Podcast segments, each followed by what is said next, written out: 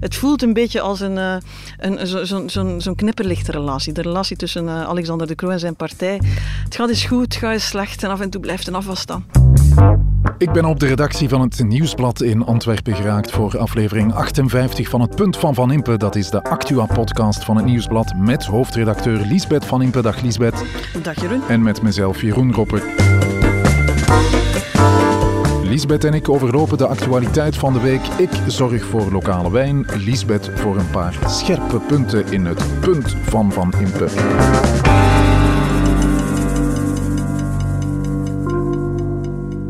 Ja, Jeroen, jij zegt ik zorg voor de wijn, maar deze week klopt het niet, hè? Het is me nog nooit overkomen, denk ik. In die 57 afleveringen heb ik me altijd voorgenomen een goede lokale wijn mee te brengen. Maar vandaag kom ik met lege handen aan. Neem het me niet kwalijk, Lisbeth. Uh, nee, want ik had jou laten weten dat de wijn eigenlijk gewoon helemaal vanzelf mijn bureau was binnengewandeld met de groeten van een van de vaste luisteraars die dacht van, ik maak ook een wijn, ik woon ook in, uh, in, in dit land, dus uh, misschien moeten jullie de mijne eens degusteren. En dan doe ik dat natuurlijk heel graag. Fantastisch dat er onder onze luisteraars ook uh, wijnbouwers zijn. Hè? Er is er zelfs een in de Kempen in Westmalle, een gemeente die je eerder associeert met heerlijk trappistenbier. Daar woont iemand die wijn maakt ehm, in het Hof van Einde. Zo heet de Vlaamse landwijn die we hier opentrekken. School, Lisbeth. Gezondheid op een nieuwe Actua Week. Een week die werd eh, gedomineerd door het overlijden van de Queen. Het is misschien niet echt respectvol wat ik zeg, maar aan mij is het allemaal een beetje voorbij gegaan. Had jij iets met de Queen?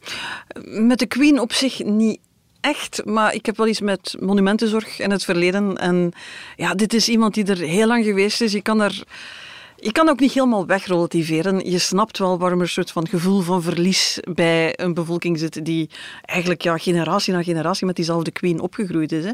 Dus uh, ik begrijp het wel. Ik moet zeggen, ik zie ook een aantal dingen die ik er wat over vind gaan. Je ziet nu op Twitter van alles passeren dat dicht is om uit respect voor de queen, voor de begrafenis, noem maar op. En dan, als je dan ziet voedselbanken, dan denk ik, hm, uh, ik zou die toch open houden. Mensen die klagen dat ziekenhuisonderzoeken uh, uitgesteld worden, dat lijkt mij ook geen juiste prioriteit. En ik zag zelfs op Twitter een condoomautomaat passeren die zei van uit respect voor de queen. denk ik, dat kan ook uh, onbedoelde gevolgen hebben. Dus nee, rouwen, ça va. Emotionaliteit, ik begrijp het best wel, maar uh, een beetje maat en proportie ja, houden je was, is ook niet slecht. van de zomer in Engeland, daar heb je het uh, echt gevoeld hoe, uh, ja, hoe dat leeft hè, onder de Britten. De Britten, dat is altijd gevaarlijk. Hè? Maar ik weet wel dat ik, ik ben in de Peak District geweest, dus buiten Londen, ik ben in Oxford geweest en dan voel je, dat is natuurlijk een, een, een land met een heel rijke geschiedenis, maar een beetje zwelgt in de nostalgie. Mm. Die heel veel aan het bewaren is zoals het altijd geweest is. Dat komt na een tijdje ook wel een beetje vreemd over. En daartegenover, ja, die Economist schreef onlangs, het is ook een land dat een beetje uiteen aan het vallen is, dat, ja. dat, dat niet werkt, dat, dat, dat dringend hervormingen nodig heeft. Dus een, een algemeen gevoel van verlies zit er al een beetje in. Uh, en vastklampen aan het verleden. En dan denk ik, ja, als je op, op een maand tijd een nieuwe, onervaren premier, waar velen aan twijfelen of dat ze eigenlijk wel de inhoud en de kracht heeft om die job Trust, te doen, ja. na de ramp Boris Johnson. En dan de Queen die weg is, dat laatste baken van zekerheid en vervangen door Charles, waarvan dat we, ja, ik denk dat Philippe denkt van onze Philippe, onze koning Philippe, van ja, van mij hebben ze 50 jaar gezegd dat ik niet ging kunnen, van Charles is dat al een goede 70 jaar aan het zeggen. Dus ja, uh, ik kan mij voorstellen dat je als Brit even deze week in het noorden kwijt bent. Een punt over de Queen uh, verwacht ik niet van jou, Elisabeth, maar ik verwacht er wel een over de energiecrisis. Hè. Die domineert nog altijd de actualiteit. Dat zal nog een paar weken, maanden en in het slechtste geval jaren uh, duren. We blijven natuurlijk ook uh, opvolgen. En ik heb uh, intussen vaste gast in deze podcast, onze chef politiek, Hannes Hendricks, hey, dag Lisbeth. meegebracht. Dag Jeroen. Dag Hannes. Hannes heeft ook goed zitten luisteren naar Ursula von der Leyen, de voorzitter van de Europese Commissie. Um, en we gaan natuurlijk ook eens kijken naar eigen land. Want daar kijken de partijen al ostentatief naar 2024. Dan zijn er een stuk of vijf verkiezingen in ons land en iedere partij heeft zo zijn strategie om naar de verkiezingen te gaan. Vandaag kijken we naar het uh, gameplan van Open VLD. Dat is uh, kort gezegd, Hannes, alles op Alexander de Croo, alles op de premier. Ja, inderdaad. Ze hebben al een aantal keer van partijkoers gewisseld eigenlijk uh, deze legislatuur. Eerst was het de, de partij, dan was het Alexander de Croo, dan terug de partij, nu terug Alexander de Croo. Ik hoop voor hen dat het de laatste keer is dat ze veranderen. Ik zou er nog geen geld op inzetten. maar toch voorlopig het plan, alles op uh, ADC. Alexander de Croo, weet je ook uh, waar FIRE voor staat, Elisabeth? Ja, rap rijk worden. Ja. dus uh, een, een, een, een rel bij de VRT en um, daar gaan we het ook eens over hebben, ja. want daar is een heel vreemd persbericht over verspreid. Ja, letterlijk betekent het Financially Independent Retire Early. Daar wil ik ook jouw punt over horen. Een nieuwe aflevering van Het Punt van Van Impe. We zijn vertrokken.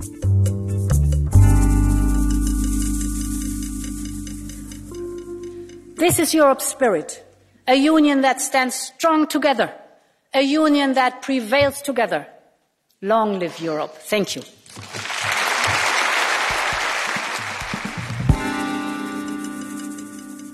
Ursula von der Leyen is voorzitter van de Europese Commissie. Dat is de regering van Europa, zeg maar. En die hield haar jaarlijkse State of the Union, de jaarlijkse toespraak waarin ze de plannen van Europa bekend maakt.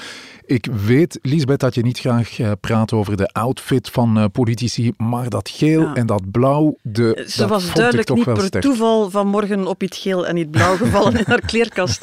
Ze wilde duidelijk de, persoonlijk de Oekraïnse vlag verpersoonlijken, denk ik. De vlag van Oekraïne en de vlag van Europa natuurlijk, maar het was vooral uh, Oekraïne, dat moest benadrukt worden natuurlijk. Hè. Een krachtig signaal. Wat wilden ze er allemaal mee zeggen, Lisbeth? Ja, dit is natuurlijk, we gaan het er straks over hebben, hè. iedereen zat te wachten op de energiemaatregelen, die wel voor een stuk uitgelekt waren, maar oké, okay, dat is waar de burger op zit te wachten. Maar ja, dit is de opening van het politieke jaar, dit is het uh, moment om te, te shinen van de, van de commissievoorzitter. En dus dat wordt een speech waar dat een aantal klassiekers in zitten. Je kon er gif op nemen, hè, dat de steun aan Oekraïne, de strijd tegen Poetin, ja. democratie versus autocratie, dat dat heel zwaar in de verf zou gezet worden. Nog geholpen door het feit dat daar nu een Oekraïns offensief bezig is, dat ja, verrassend succesvol is. Ja. Je ziet ook wat zo'n beetje de klassiekers in Europa aan het worden zijn. Hè. Een thema dat we de laatste jaren meer en meer gezien hebben, die onafhankelijkheid van ja. Europa. Niet alleen als het gaat over het gas van Poetin, maar ook over grondstoffen die in onze batterijen en onze telefoons zitten. Economische onafhankelijkheid. Ja, daar valt dan China. Dus je voelt van, dat is een thema, laat zeggen, dat is in, tijdens de pandemie al begonnen, toen we merkten dat we blijkbaar zelf geen mondmaskers konden maken en geen handgel en dergelijke dingen meer. Dat blijft maar terugkomen. Europa moet investeren in zijn onafhankelijkheid, ook economisch voor een stuk. Uh, dus dat zijn de klassiekers. Dit zijn onze waarden, dit zijn de Europese waarden. We keken natuurlijk uh, vooral uit naar de toespraak van von der Leyen om uh, te weten hoe ze de energiecrisis gaat aanpakken. Hè. Hannes, wat heeft Europa allemaal in petto? Wat zat er allemaal in? Minder elektriciteit verbruiken. Ja, dat is een van de belangrijkste maatregelen die ze vandaag heeft aangekondigd. Dat is dat de lidstaten 10% minder elektriciteit zullen moeten verbruiken. Nu, Gaat dat lukken? Wel, ze bleef wel wat in het ongewisse van hoe dat we dat precies gaan moeten doen. Uh, daarvoor wordt er natuurlijk naar de lidstaten zelf gekeken. Ja, en dat is een beetje de beweging die we nu gezien hebben. De lidstaten hebben eigenlijk heel veel verantwoordelijkheid bij Europa gelegd, want daar moest het opgelost worden. Je kan zeggen dat die bal, of die hete patat, afhankelijk van hoe je het bekijkt, nu ook wel een beetje teruggestuurd is. En dat het is van ja, 10% minder en organiseer jezelf dan maar over hoe ja. je dat gaat doen. En een discussieboot in België absoluut niet evident is, want ja, we zijn dan nog eens ja, een paar regeringen samen en je moet een aantal ja, je kan in, op piekmomenten uh, industrie gaan afsluiten. Je kan uh, particulieren vragen om minder te doen. Maar dat is geen makkelijke discussie. Hè? Maar ik hoor sommige bedrijven al zeggen, zeker bij ons niet. Uh, bij ons gaat het niet. Maar ja, komt het dan volledig bij de consumenten terecht? En hoe ga je dat gaan controleren? Wie gaat dat moeten doen? Dat zijn allemaal nog vragen die beantwoord moeten worden. En natuurlijk, dat wordt nu wel gezegd, maar dwing dat ook maar eens af. Hè. Als, ja, het is niet dat von der Leyen straks in onze living staat om te zeggen dat het monopolie spelen bij kaartlicht is. Hè. Uh, dus ja, daar, daar voel je wel van. Hm, en die lidstaten die over heel veel van mening verschillen, die het heel moeilijk uh, hebben om een, een gemeenschappelijk beleid te steunen, krijgen hier een heel duidelijke opdracht bij. Ik weet niet of dat we daar Vlaams federaal al iets gehoord hebben, maar tot nu toe waren onze politici zeer spaarzaam met dat soort oproepen. Ja, inderdaad. Ja.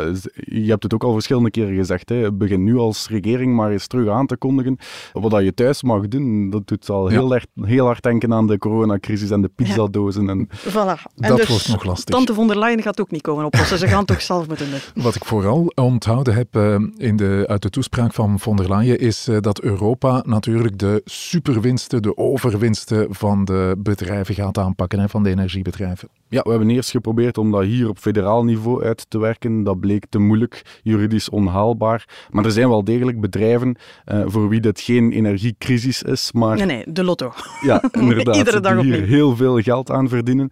Eh, dus de Europese Commissie heeft vandaag gezegd, ja, we willen eigenlijk 140 miljard gaan halen bij eh, dat soort bedrijven. Eigenlijk, ja, dat zijn dan de uitbaters van kerncentrales, van windmolens op zee ook. Ehm, Maar dat is dus wel, ja, je voelt dat er wel een heel moeilijke evenwichtsoefening bezig is. Hè. Aan de ene kant wil je eh, zorgen dat er niet een paar bedrijven schatrijk worden eh, op de rug van die hoge gasprijzen. Aan de andere kant voel je ook wel een beetje terughoudendheid om die markt al te zeer te verstoren. Bijvoorbeeld ook groene energie is op dit moment, heeft, heeft, heeft de lotto gewonnen. Hè. Maar waar dan hoopt dat dat een, het, het begin is van nog een versnelling van die groene energie. Ja. Dus ja, het is rijden en omzien, markt verstoren, maar ook weer niet te veel. Wat wel klopt, Europa is eigenlijk de enige die op relatief korte termijn zo'n bedrag zou kunnen gaan afromen.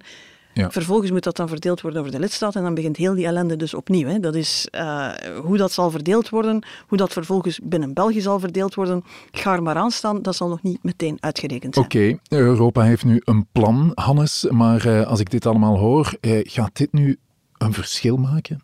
Wel, dat is wat ik alleszins onthoud uit de speech van von der Leyen. Er staat nu die grote zak geld op tafel, maar er is concreet nog niets gebeurd aan onze energiefactuur.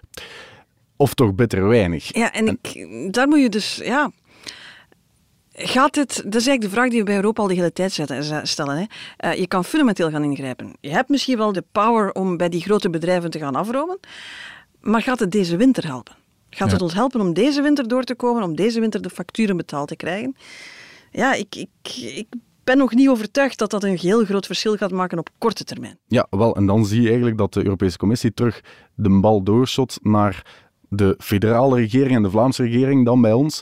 En ja, je merkt dat in de pers ook. Nu moeten wij terug onze aandacht focussen op hen, terwijl we de vorige maand hebben gehoord van hen dat we naar Europa moeten kijken. Dus je krijgt zo'n beetje het gevoel dat we op dit moment naar een tennismatch aan het Ja. kijken zijn, waarbij dat de bal continu over en weer gaat. Ja. Kan je zeggen dat je helemaal verrast bent? Europa gaat altijd te traag, het lijkt altijd te weinig en het effect moet altijd op langere termijn zich zetten van ja, toch de power die zo'n groot handelsblok heeft. Maar ik kan mij voorstellen dat er wel een pak mensen op hun honger blijven zitten. En zoals gezegd, ja, de tennismatch verschuift nu weer en blijkbaar gaan we allemaal moeten naar die septemberverklaring van Jan-Jan Bon luisteren. Daar gaat alles opgelost worden. Want Hannes, eh, de afgelopen dagen en eh, weken zelfs was er heel veel te doen over een prijsplafond. Komt dat er nu eigenlijk? Ja, daar fietste Ursula von der Leyen in haar speech eigenlijk in een grote bocht omheen. Het was maar heel kort dat ze het aanraakte, dat er een onderzoek komt naar dat prijsplafond. Dus er is op Europees niveau eigenlijk nog geen sprake van. Het leek een beetje op zo'n eervolle vermelding. We zijn er ons van bewust dat dat een piste is die leeft. We gaan die nog wel verder onderzoeken. Maar ik moet wel zeggen, wie vrijdag de communicatie, vorige vrijdag, na de Europese Raad van de Ministers van Energie, onze eigen minister van Energie, Tine van der Straten, en de premier bezig hoorde, die al heel lang voor zo'n prijsplafond aan het pleiten zijn. En die waren heel triomfantelijk, hè? Bijzonder. Allee, ik bedoel, eh, het was Churchill-Jans bijna hoe het overwinningsteken gemaakt wordt. En ze werden door iedereen gevolgd. En eindelijk, en de pancartes voor de sociale media stonden klaar. Van toen heeft Alexander de Croo dit gezegd en nu heeft hij het binnengehaald. Tine van der Straten zei van ze zijn allemaal mee. Alle ministers van Energie. Ze was alleen vergeten dat de Duitse premier, de Duitse bondskanselier, Scholz. in deze geen onbelangrijke speler, zullen we maar zeggen, die al van het begin dwars ligt, gewoon vrolijk blijft dwars liggen, dat, hij- dat eigenlijk niet echt iets zitten. En dat het dus veel te voorbarig was om te doen alsof dat daar een akkoord over bestond. We hebben er tot onze eigen scha- en schande ook een paar dagen over gedaan om helemaal door te hebben wat er nu eigenlijk maar beslist was. En dan moet je wel zeggen, op zo'n kritisch moment, op het moment dat de verwachtingen al zo gespannen zijn, met dat soort communicatie komen die, Ja. laat zeggen, toch de grenzen van het waarachtige serieus aan het opzoeken is, dat vind ik toch een serieus risico. Toch een beetje gezichtsverlies eh, voor de Belgische premier en onze minister van Energie. Ik, ik, vind van, ik vind van wel. En dan krijg je weer zo'n semantische uitleg waar Tina van der Straten zo goed in is. Je hebt een half woordenboek nodig, omdat ze eigenlijk wel min of meer gezegd heeft uh, hoe het zat, maar dat we dat helaas allemaal weer verkeerd begrepen hebben. Ja, dan denk ik, ja, we zijn toch ook allemaal geen stoemkoppen. Hè? Veelzeggend is ook dat Open VLD-ondervoorzitter Jasper Pillen zijn tweet, uh, je verwees er al naar, hè, een tweet van Alexander de Croo, eerst zo gezegd, zo gedaan, ja, die heeft hij gewoon verwijderd. Dus ja. het besef dringt bij iedereen door van er is daar eigenlijk niets beslist. Ja, en vandaag was het wel pijnlijk duidelijk dat het een soort van voetnoot is. We gaan daar eens naar kijken. Ja, dan denk ik dat je je hand toch wel een beetje overspeeld hebt. En dan mag je heel veel vuistjes op sociale media gezegd hebben. Ik denk niet dat dat sterk overkomt. Een eerste punt van Van Impe. Europa komt met een plan. Het is iets en dat is al iets. Hè. Er ligt iets, dat is al iets. Het is uh, niet de grote geruststelling, maar toch. De bal wordt nu weer uh, gelegd in het kamp van de lidstaten. En uh, of dit plan nu deze winter een verschil gaat maken, dat valt nog af te wachten. Dat valt af te wachten. Dat hangt voor een stuk van Europa af, maar dat hangt ook af van die lidstaten, die ook daar de urgentie zullen moeten zien en stilaan aan één zeel moeten gaan trekken. Europa is maar zo sterk als de optelsom van al die lidstaten. Is er een steen verlegd in de rivier vandaag? Ik weet niet wat jij denkt. Er is een kader gemaakt en zou de Europese politiek in kunnen. Hè? er is een kader gemaakt. Ja, maar dat voel je wel. Hè? Dus Europa weet dat ze hier greep op kunnen krijgen, maar het gaat altijd traag en het gaat altijd te traag. En het zou meer mogen zijn. Uh, maar goed, hier gaan we mee verder. Hè? Het punt van Van Impe.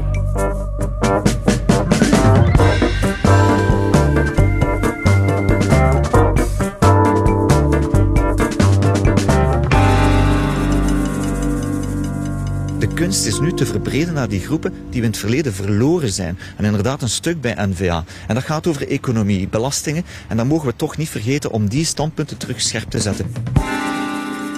Open VLD, de Vlaamse Liberale Partij, zoekt naar zichzelf. Je hoorde de voorzitter van Open VLD, Egbert Lachaert, enkele weken terug over de koers van de partij. Die moest scherper, die moest liberaler, een beetje meer Georges-Louis Boucher-achtig eigenlijk. Maar nu komt Open VLD daarop terug. Ze wil zich profileren als bekwame, verantwoordelijke beleidspartij met de premier Alexander de Croo als gezicht. Daar wil ik het toch eh, even over hebben. Hannes, um, een tijd eh, kwam jij hier nog vertellen dat de Open VLD moest kiezen tussen de premier en een scherper liberaal profiel. En het resoluut voor het tweede koos. Nu wordt het dus toch het eerste. Van waar die wijziging? Ja, het is eigenlijk de crisis nu, de energiecrisis, die de Open VLD aangrijpt als het ideale moment om achter de grote leider Alexander de Croo te gaan staan terug. Ze hopen op een soort rally round the flag effect, uh, waarbij ja, het hele volk uh, de leider zou toejuichen en, dan uh, zou belonen in 2024, omdat hij ons door alle crisissen heeft heen geloodst. Maar goed, ja, vanuit Open VLD uit is dat ook natuurlijk een stukje omdat de vorige strategie niet echt aansloeg. Ze wouden zich inderdaad profileren, uh, maar ja, in peilingen blijkt dat niet echt dat ze daarop vooruit zijn gegaan. Ja, want naar het schijnt was er een peiling, uh, Lisbeth. Hoe zat dat? In, in... dat is het, eh, pas op, dat zijn zo monsters van Loch Ness in de wedstraat. Um, er zou ergens een peiling zijn die zeer kwalitatief afgenomen is, waar ze op 7 of 8 procent staan. Vervolgens wordt dat in alle talen ontkend natuurlijk. Komt daar een hele uitleg bij waar je denkt van oei, ze hebben precies toch ergens slechte cijfers gezien, want ze zijn heel hard aan het uitleggen dat cijfers op dit moment niet zeer betrouwbaar zijn. En dan zie je die jojo weer, die de VLD, Open VLD al sinds het begin is. Het, eh, het heeft met een aantal dingen te maken. Hè. Soms zit er wat ruis op de lijn met de premier, die soms zoveel zijn eigen gedacht doet, niet naar het partijbureau komt, waar ze, als ze echt helemaal met angstdromen willen wakker worden, dat ze zelfs denken dat hij soms internationaal al eens aan het solliciteren zou zijn. Dat is helemaal een nachtmerrie natuurlijk. Dus je hebt periodes dat dus, ja, die, die verlatingsangst toeslaat en de, de, de frustraties oplopen. En dan heb je altijd weer dat besef dat, ja, dat ze eigenlijk niet veel anders kunnen dan achter die premier gaan staan, die intussen een hele legislatuur een crisispremier zal geweest zijn. Dat zag je in het begin niet, maar we dachten na de coronacrisis zal hij moeten tonen dat hij dan een klassiek liberale premier kan zijn. Het zal een crisispremier geweest zijn die dus alles al gedaan heeft wat liberalen doorgaans niet doen. Niet naar de begroting kijken, smijten met geld, uh, interveneren in, tot op het belachelijkste niveau van het persoonlijk leven van de mensen. Nationaliseren dus, van kerncentrales. Het nationaliseren van kerncentrales. Uh, dus dat is een premier die dus ja, liberaal profiel. Nee, je hebt Ja. alleen maar het feit dat hij de baas is en je moet dan hopen dat dat de mensen gaat overtuigen. Maar het, ja, het voelt een beetje als een, eh, een, zo- zo'n zo'n zo'n knipperlichtrelatie. De relatie tussen eh, Alexander de Croo en zijn partij. Het gaat eens goed, het gaat eens slecht en af en toe blijft een afwas staan. Maar de strategie wordt dus nu eh, toch een beetje zoals de CD&V destijds met Jean-Luc Dehaene. Hè. De tocht is moeilijk, maar de gids is eh, ervaren, zo was het, denk ik. Hè. Ja. Lachaert, de voorzitter van Open VLD, werd vorig weekend in Durbuy eh, verwacht, Hannes, om te komen spreken op de familiedag van MR, de Franstalige Liberale Partij. Maar hij kwam niet opdagen. Dat was een, eh, een statement. Hè. Wat, wat wou hij duidelijk maken? Wel, wij hadden vorige week in de weekendkrant een interview met Georges-Louis Boucher, eh, waarin hij de vraag kreeg eh, of hij Alexander de Croo een goede leider vond, waarop, Dat een, zou voor iemand in de meerderheid geen strikvraag mogen zijn, zou je denken? ja, waarop er toch wel een hele lange en ongemakkelijke stilte viel tijdens het interview. Dat stond zo ook ongeveer tussen haakjes. Hè? Lange en ongemakkelijke stilte. hè. Ja, inderdaad. Ja, laten we eens luisteren hoe het klonk, want jij hebt de opname van het interview bij. Hè. Est-ce qu'Alexandre de Croo était un vrai leader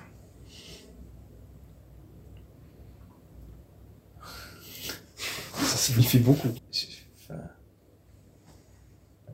C'est- c'est pas c'est pas la question qui a de l'importance. Euh, Je, je- je pense que c'est plus un problème de culture générale que de culture politique en général. Ja, en na de stilte, het was niet omdat hij een steunbetuiging aan het voorbereiden was die zijn weergaan niet kende in de Europese geschiedenis. hè. Het, het bleef heel luidjes. Ja, klopt. En de Open VLD die waren net op fractiedagen aan de zee. In Oostende, ja. Klopt. Ehm, dus die zagen dat interview aan de ontbijttafel en daar werd toch eens naar elkaar gekeken van ja, nu gaat hij toch wel echt te ver. Eh, je kan als eh, voorzitter van de, van de meerderheid je eigen punten maken, maar zo Ja. openlijk de premier afvallen. Loyaal was het niet, hè? Eh, Lisbeth, waarom is hij zo stout, Georges-Louis Boucher?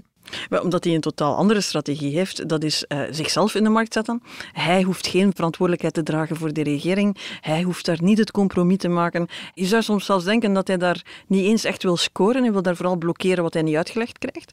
Eh, en Boucher is een voorzitter die rukzichtloos kan doen waar hij zin in heeft. Dat liberaal profiel wel kan claimen. Eh, iets wat Egbert Lachart natuurlijk nooit kan doen, want ja, dan, dan, dan rijdt hij zijn eigen premier eh, in, in de gracht. Boucher dat, doet dat voor een stuk ook. Maar goed, heeft daar een andere verhouding mee. En eh, het is duidelijk dat Lachart heel af en toe toch eens wil zeggen van eh Georges Louis, nu ben je weer te ver gegaan. Wat betekent deze nieuwe profilering van Open VLD nu voor de Vlaamse regering, Lisbeth? Daar gaan de discussies weer toenemen. Hè. Je voelt van, federaal daar gaan ze de Croo laten doen. Vlaams hebben we al gezien dat Sami Medi denkt dat dat zijn beste veldslagen gaat opleveren als hij zich daar profileert. Je voelt dat bij de Open VLD ook een beetje. Plots krijg je daar een pleidooi voor meer steunmaatregelen. De bakkers en de slagers, het hart van onze samenleving, van onze, van onze dorpskernen moet ondersteund worden, want die hebben het heel lastig in de energiecrisis. Dat is een heel klassiek liberale KMO-positie zelfs bijna. Uh, en daartegenover staat dan die N-VA, die heel graag op het einde van deze legislatuur met een, uh, een mooie begroting wil uitpakken. En daar, uh, ja, daar grossieren ze intussen in allerlei uh, beeldspraak. Dus de minister van Begroting, Matthias Diependalen, die zegt dat zijn zakken dichtgenaaid zijn. Ja. Zowel Demir, als er haar, haar gevraagd wordt, wat gaan jullie nu doen nadat je al opgelijst hebt wat alle anderen zouden moeten doen, wat ga jij doen, wat gaat de Vlaamse regering doen, dan zijn er plots kaboutertjes die de begroting niet gaan dichtrijden. Ik bedoel, daar wordt langs alle kanten op de rem gestaan. En het is heel duidelijk dat dat eigenlijk bijna een open uitnodiging is voor CD&V en Open VLD om zich daar op een veel klassieker manier te gaan profileren, wat hen in die moeilijke coalitie federaal veel moeilijker lukt. Ja. Jouw tweede punt van vandaag, Lisbeth. Alexander de Croo wordt het gezicht van Open VLD met dank aan de verschillende crisissen. De ironie wil dat de Croo het vooral moet hebben van niet bepaald liberaal uh, beleid. En intussen zorgt dat voor uh, meer spanningen in de Vlaamse regering. Dat is een beetje waar ze op zitten. En ik weet ook niet of Open VLD eigenlijk veel andere opties heeft dan te doen wat ze nu doen. En hopen een beetje ja, met dichtgeknepen billen dat dat dan goed komt. Hè. Dat op het einde van de rit de, de Vlaming toch denkt van de Croo heeft ons door een aantal moeilijke crisissen geloodst. Ik... Het is niet de beste optie, maar de best mogelijke optie, denk ik. En soms lijkt het zelfs de enige. Het punt van Van Impe.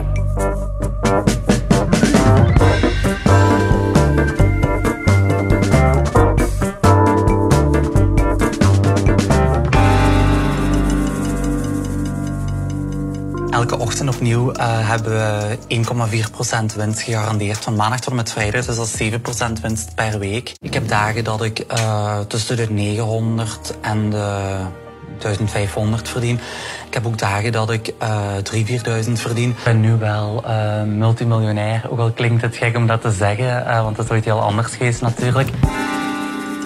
Je hoort het aan de achtergrondmuziek. Dit komt van TikTok en niet van VRT Max. Daar stond het op, maar daar is het niet meer terug te vinden. Het is een fragment uit FIRE, dat staat voor Financially Independent Retire Early, financieel onafhankelijk en vroeg op pensioen. De documentaire reeks FIRE portretteert uh, zeven jongeren die snel en jong rijk zijn geworden. Zeggen en, dat ze rijk geworden zijn. Intussen moeten we met twee woorden spreken. ja, inderdaad, zeggen dat ze rijk zijn geworden en luxueus leven. Het is de droom van veel jongeren tegenwoordig. Ik kan me niet herinneren dat ik dat ooit gedroomd heb. Jij, Lisbeth? Ik herinner mij op zaterdagavond met mijn grootmoeder hopen dat je de lotto wint. Dat was zo het momentje dat je dacht van... Maar ik heb nooit gedacht dat het geld zomaar... Hoe ging het eruit? Het komt eigenlijk vanzelf. Ja, maar tijdens is niet onze mijn ervaring jeugd... met geld dat Ja. het vanzelf komt. Toen bestonden er uh, ook geen cryptomunten. Hè, Ja, ik moet ook zeggen, als ik nu op een feestje zo een van die typen die over cryptomunten doorgaat, ik ben rap weg. Dus ja, VRT haalt het nu dus uh, offline, die reeks. En uh, de mededeling, Lisbeth, wat, wat was de mededeling Ja. van de VRT? we moeten om te beginnen. De reeks heeft er, denk ik, kleine twee weken gestaan. Ja. Ik denk dat het geen 36 uur geduurd heeft voor mensen zijn beginnen opzommen wat er allemaal problematisch aan was. ja, want er was veel kritiek op. Er hè? werden daar maar met rendementen gesmeten waar mensen van zeiden, daar klopt, er klopt niks van, het slaat nergens op. Er waren meteen vragen van, ja, hoe kosher is dit ook allemaal? Klopt dit eigenlijk wel? En ook de specialisten, onder andere iemand van de tijd, dacht ik, die eraan meegewerkt hadden, hadden heel snel laten weten van, ja, dit is niet het programma Ja. waaraan wij dachten dat we aan het meewerken waren. Dus de kritiek was er eh, heel snel. Eh, de VRT heeft de hele tijd zo'n beetje de schouders opgehaald van eh, nee, nee, nee, nee, we laten dat staan. Dit is iets typisch voor ons nieuwe platform. En Ja, ja, het dit is, is niet geen... educatief bedoeld, zeiden ze. En nu halen ze het er toch af. Eén, omdat ze dus ontdekt hebben dat een van de gasten die daar opgevoerd wordt gewoon in een, een heel klassiek piramidespel zit. Dat is hetgene waar je trouwens altijd het eerst aan denkt als iemand zegt dat het geld gewoon binnenwandelt. Ja. Dan schort er meestal iets aan. Nu, ik moet zeggen, de schaamteloosheid waarmee de VRT nu in de tegenaanval ging. Ze verpakken het nu en ze hebben er de hele dag mee uitgepakt. Als onze eigen onderzoeksjournalistiek heeft ontdekt dat er toch wel iets schortte met dit, eh, niet met de reportage, maar met die mensen in de reportage. Dus Een pluim op eigen hoed. wat iedereen al twee weken aan het zeggen was, hebben ze nu ook ontdekt. Ze hebben er alleen een beetje langer over gedaan. En dan is er een mededeling gekomen waar ik toch echt even mijn ogen moest bij uitwrijven. Daar moet ik wel eerlijk in zijn. Dus wat zeggen ze? Eh, nog altijd nobele intentie. Ze wilden een actueel, maar controversieel onderwerp, fenomeen portretteren. Portretteren, oké. Ik ga ervan uit dat als je de VRT bent, dat je daar een aantal journalistieke standaarden bij gebruikt. Dat is niet helemaal goed gegaan, maar dat staat niet in de mededeling. Dat het verkeerd uitgepakt is, is blijkbaar een beetje onze schuld allemaal. We hebben allemaal gedacht dat het een educatief programma was en dat was niet de bedoeling. Ja. Jeroen, echt, we moeten daarvan afstappen. Het was niet educatief, het was gewoon het portretteren van. De VRT heeft daar dus blijkbaar ook geen enkele verantwoordelijkheid voor. Heeft nu ontdekt dat het, eh, hoe staat het? De discussie is een weg ingeslagen waar de reeks helemaal geen antwoord wou op bieden en die haar opzet onrecht aandoet. En meer nog, het ondermijnt een beetje de positie van de VRT voor al die andere dingen die wel educatief bedoeld Ja. zijn. En Dus- daarom halen ze het uh, offline. Een hele mededeling om te zeggen dat we het allemaal niet gesnapt hebben. Dat we niet gesnapt hebben dat dat programma niet bedoeld was als tips of, of manieren om de financiële geletterdheid of wat dan ook.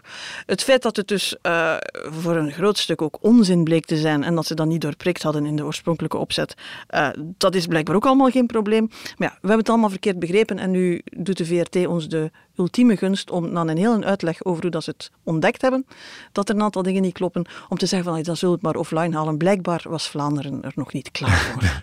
ja, uh, Lisbeth, wat vond je eigenlijk uh, over um, de grond van de zaak? Dus ja, de VRT zou een soort levensstijl promoten waarbij je je ethische vragen bij kan stellen. Hè? Vind... Kijk, die, die FIRE-beweging, ze bestaat. En er zijn jongeren die daar mee bezig zijn. En zoals gezegd, je hebt op ieder feestje die, die, die cryptozot die aan het uitleggen is dat het geld gewoon vanzelf binnenwandelt.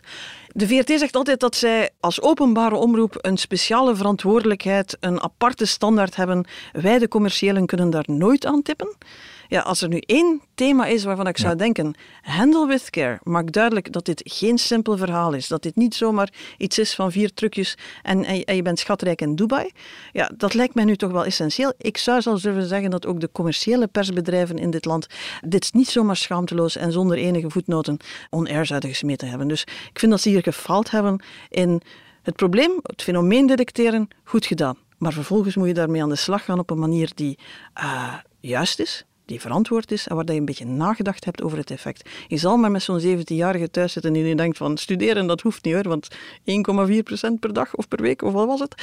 Uh, En ik, uh, ik loop straks met een blondine en een dikke Porsche door Dubai te flaneren. Kom ja. aan. Zeg je nu, uh, Lisbeth, als punt, niet alleen de communicatie was onhandig van de openbare omroep, maar ze hadden ook een zekere verantwoordelijkheid die ze niet genomen hebben met het, het brengen van dat fenomeen. Ik denk dat deze, deze reportage of hoe ik het mag noemen van de VRT, het bijvoorbeeld niet weten, uh, is een fout geweest en daar had enige bescheidenheid bij gehoord op het moment dat ze dat wilden toegeven. Het punt van Van Impe.